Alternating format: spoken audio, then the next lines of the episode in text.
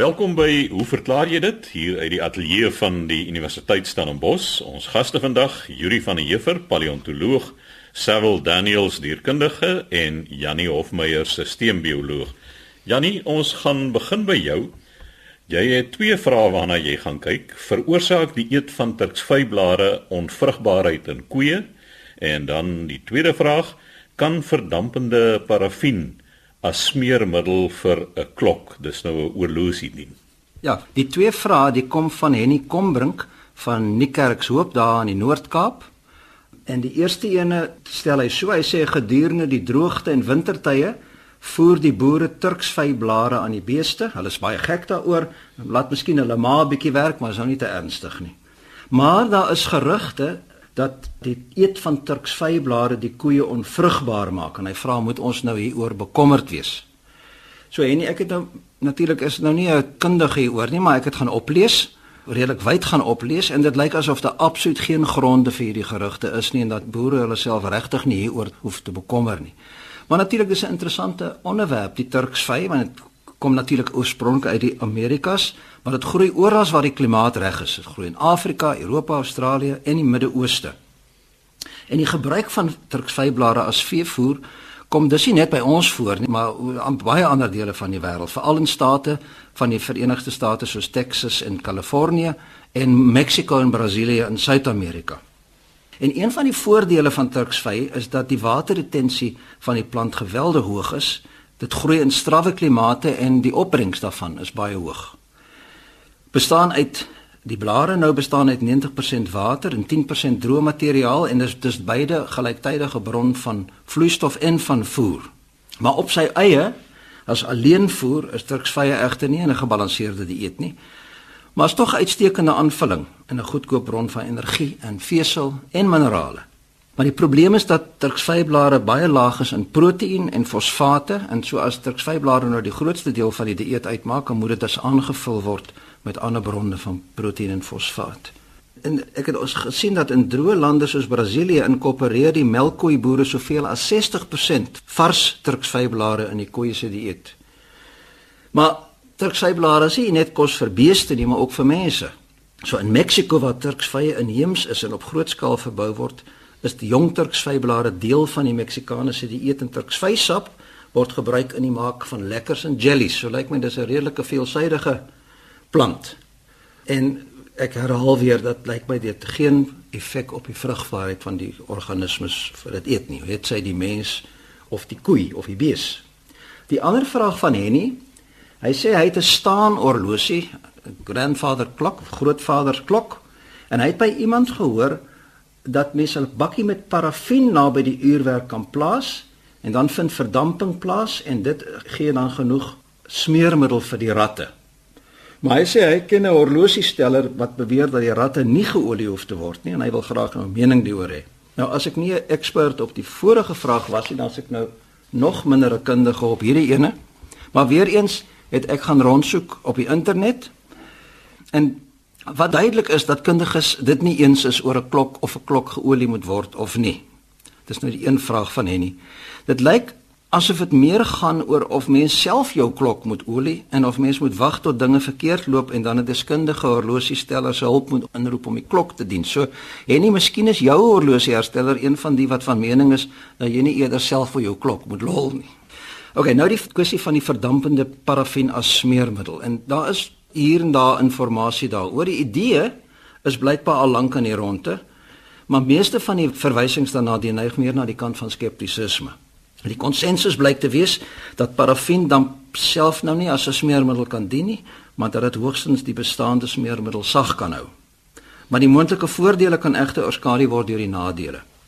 Want verdampende parafin kondenseer op die metaaloppervlaktes wat natuurlik koel cool is van die uurwerk en dan kan dit met mittertyd taai maak en so dan maklik stof opvang.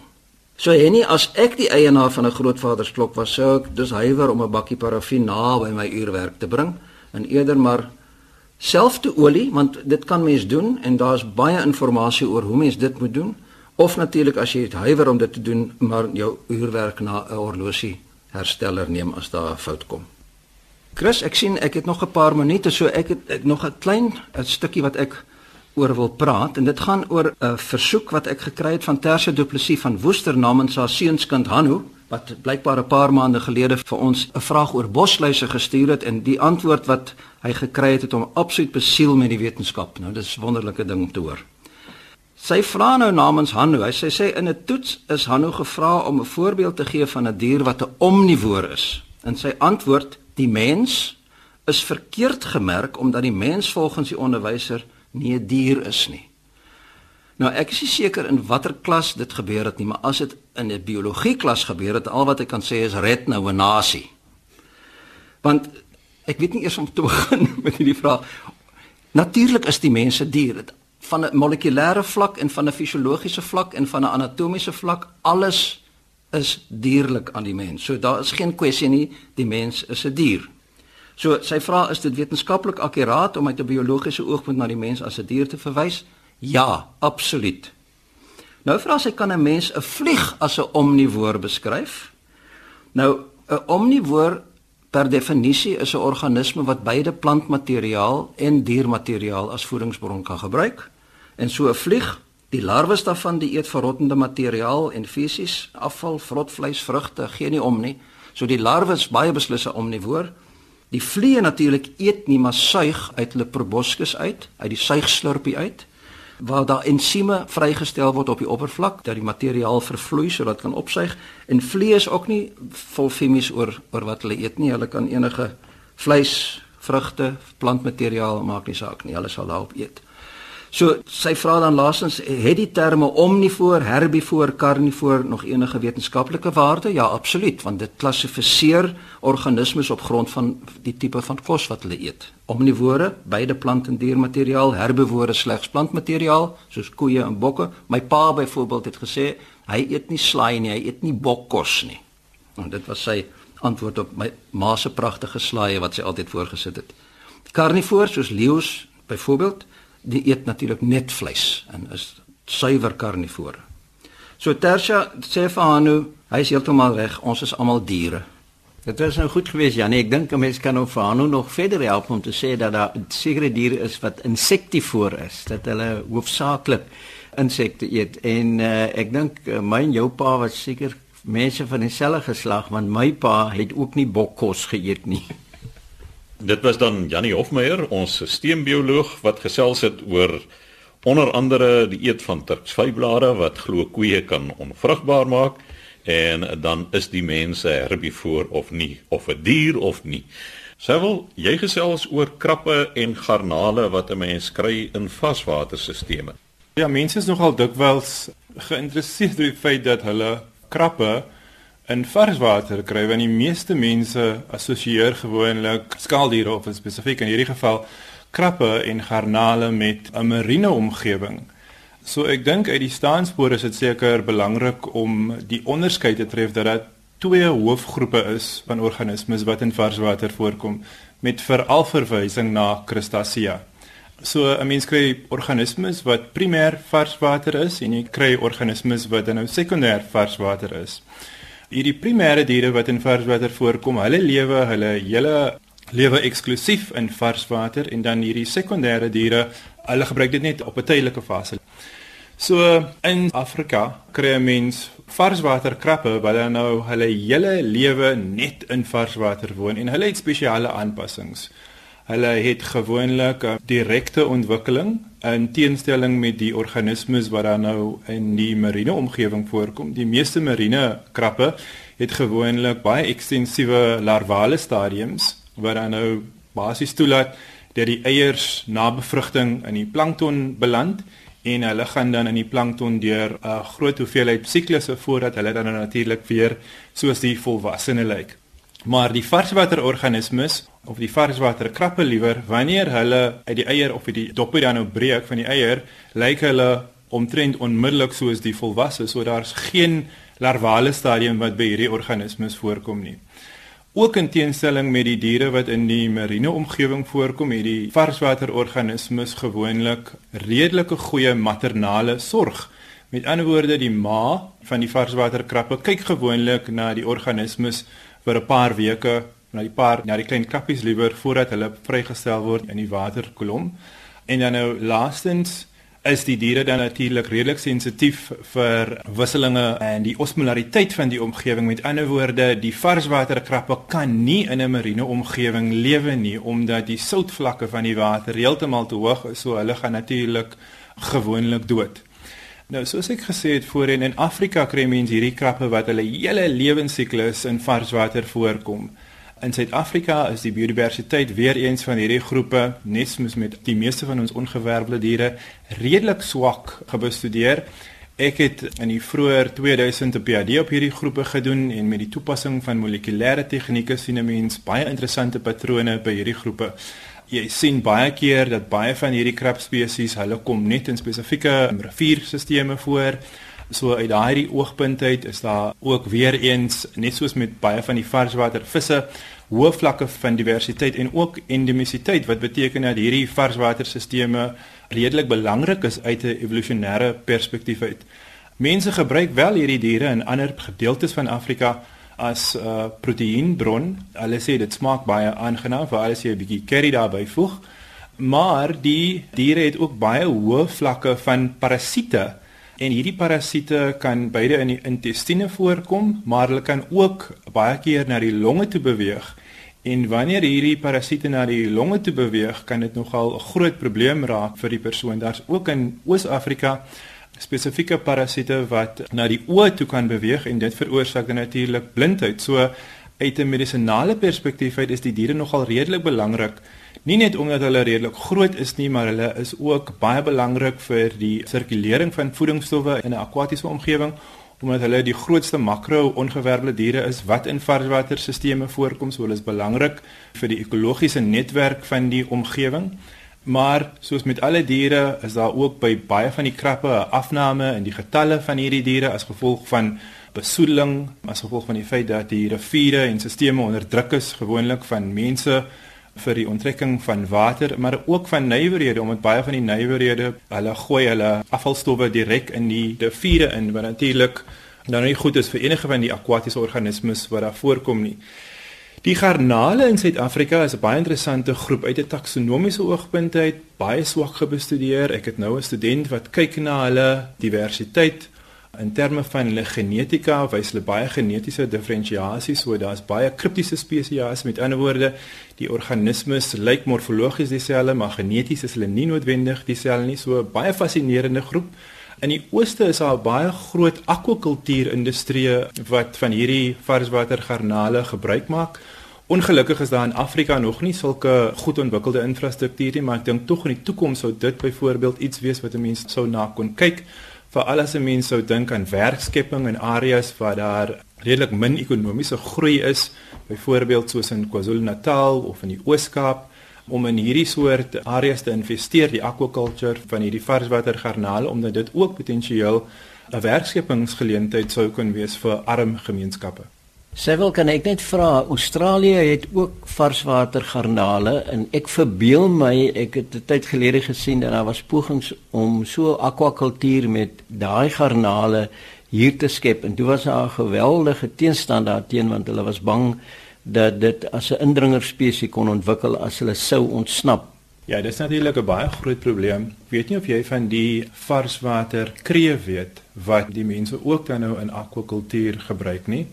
Maar Kirex distracte is die spesies se naam, soos die spesiesnaam aandui, distracte verniel hierdie varswater kreef omtrent alles waar dit dan nou blootgestel word in 'n akwatiese medium. So aan die einde van die dag wat 'n mens wel sien by hierdie organismes is dat daar baie kompetisie is vir voedingsstowwe byvoorbeeld tussen 'n krab en 'n kreef omdat die krewe natuurlik nie natuurlik in die Afrika varswaterstelsels voorkom nie. So ja, mense moet altyd natuurlik bewus wees dat daar baie negatiewe ekologiese impakte kan wees as gevolg van die feit dat hierdie diere tog wel kan ontsnap en hulle doen dit ook. Ek weet byvoorbeeld dat in Zambië het iemand begin met hierdie varswater krewe en baie van die diere het ontsnap en dit veroorsaak 'n totale afname in die varswater krappe wat dan natuurlik op die langtermyn 'n groot ekologiese impak kan hê want soos ek voorheen gesê het hierdie krappe hulle help met die hersirkulering van voedingsstowwe maar die een ding van die krewe wat ook baie sleg is is hulle maak gewoonlik gate omdat hulle gewoonlik burrowing is. So dit veroorsaak gewoonlik strukturele swakpunte by damme byvoorbeeld. So daar kan 'n groot hoeveelheid negatiewe aspekte geassosieer word met hierdie indringer spesies. So sê Sewil Daniels, ons dierkundige, laaste aan die beurt vandag, Yuri van der Heever, paleontoloog en jy gesels oor lemurs in Madagaskar. Ja, dankie Chris. Ons het voorheen 'n uh, vraag beantwoord van uh, Leon van Witrivier en dit het toe gehandel as jy sal onthou oor waar die vyf vingers aan werveldiere se hande en voete voorkom. En hy het 'n tweede vraag in die brief gehad wat ek nou graag wil beantwoord en hy sê Dit is my vreemd dat sommige lemurs in Madagaskar baie lang welige sterte het, maar dat ander, ook lemurs, wat in dieselfde omstandighede leef, geen stert het nie.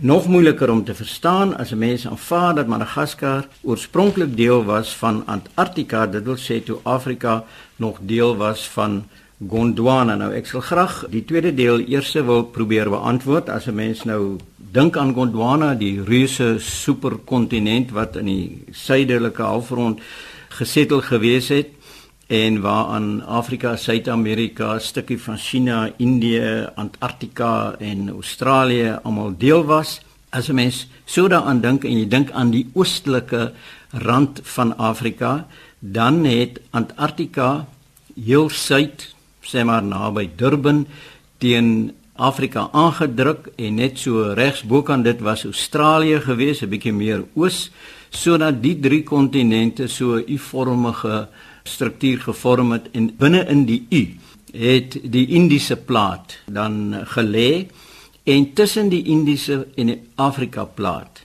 het Madagaskar en die Seychelles so lepel gelê. Dit was omtrent 120 miljoen jaar gelede toe Gondwana begin opbreek het.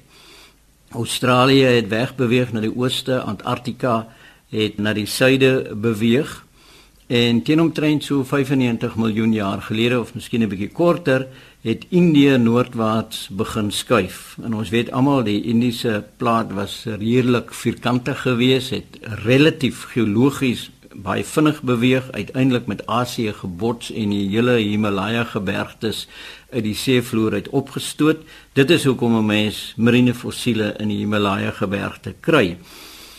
En op daai stadium het die Indiese plaat dan geskei van die Seychelles en van Madagaskar en dit het agtergebly hier in die omgewing van die ooskus van Afrika. Nou dit sê vir ons seker goed oor die diere wat 'n mens kry op Madagaskar omdat daar hierdie vroeë opbreking gewees het het jy vir Madagaskar gekry as 'n geïsoleerde omgewing en die resultaat daarvan was dat daar 'n geweldige diversifikasie onder die plant en dierelewe plaasgevind het. En in 'n vorige program het sewe en dit verduidelik oor hierdie woude wat ons nog in Afrika het en die diversifikasie binne die woude. So op die eilande wat so ontstaan, kry mense dan diversifikasie en jy kry nie by die diere die geweldige getalle wat jy by spesies kry soos byvoorbeeld in Afrika nie wat jy nou op die Serengeti vlaktes het jy eh, wilde beeste wat in hulle miljoene daar, 'n enkele spesies waar jy baie miljoene van het of eh, in die noorde van Suid-Afrika die kwela vinke wat in groot groot getalle die boere tuister. So jy kry die geweldige diversifikasie, maar jy het nie, nie noodwendig al die getalle nie. Nou paleontologies lyk dit asof van die vroegste lemurs die grootte van gorillas gewees het die fossiele is gekry en nog 'n feit van eilandbewoners is dat hulle normaalweg dan kleiner word. En ons sien dit by Malta waar die fossiele gekry het van klein olifantjies, Elephas falconeri, olifante wat verklein het op Cyprus kry jy dit en daar is nog lewende olifante in Borneo in daai omgewing afstammelinge van die Asiatiese olifant Elephas maximus, maar jy kan nou nie hierdie klein olifantjies maximus noem nie. So die subspesie naam is vir hulle gegee Boreensis.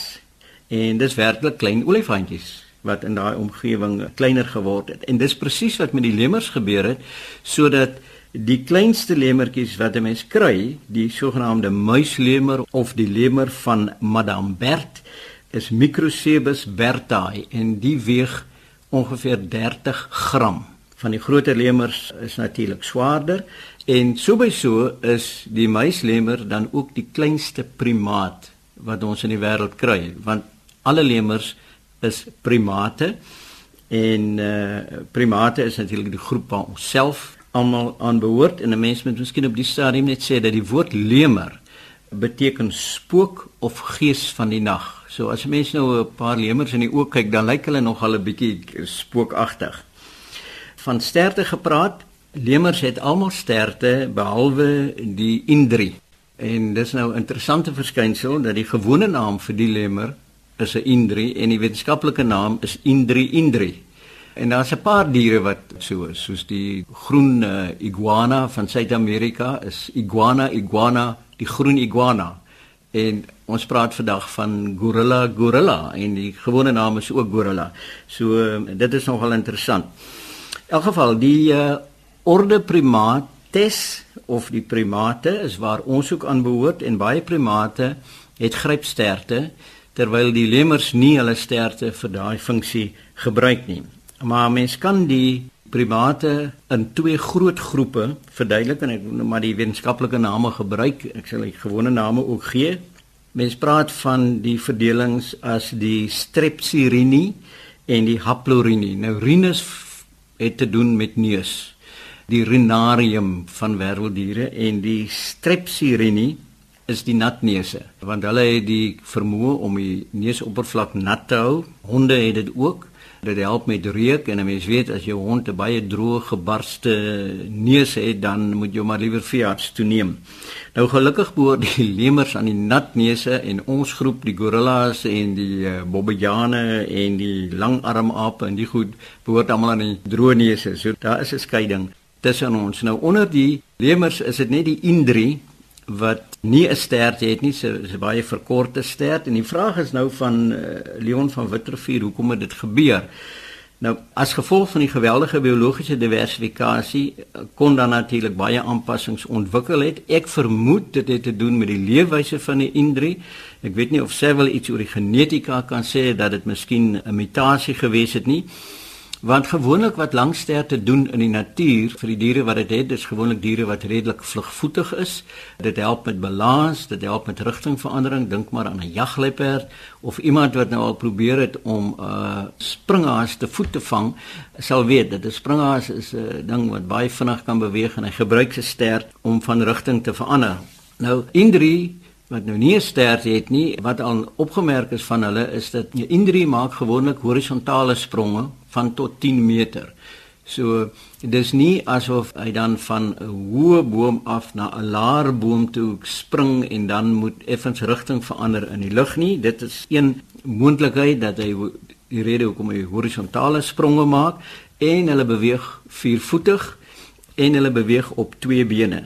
So dit lyk dus of die stert nie so 'n belangrike aspek is van 'n indriese lokomotoriese manier nie. Dit is al wat ek kan dink tensy daar genetiese inligting inkom want daar word baie navorsing gedoen oor die lemurs. Die taksonomie word vreeslik baie bestudeer want nie almal stem saam oor die presiese verdeling of daar net 'n aantal relatief min spesies is en of daar omtrent 50 spesies van lemurs is nie. So ek sou dink dit is die rede hoekom 'n uh, kortstert nie 'n noodwendige voordeel vir die indrie kan inhou nie. So sê Yuri van der Heever, ons paleontoloog, die tyd het ons weer ingehaal. Skryf gerus aan, hoe verklaar jy dit? Posbus 2551 Kaapstad 8000 of stuur 'n e-pos aan chris@rsg.co.za.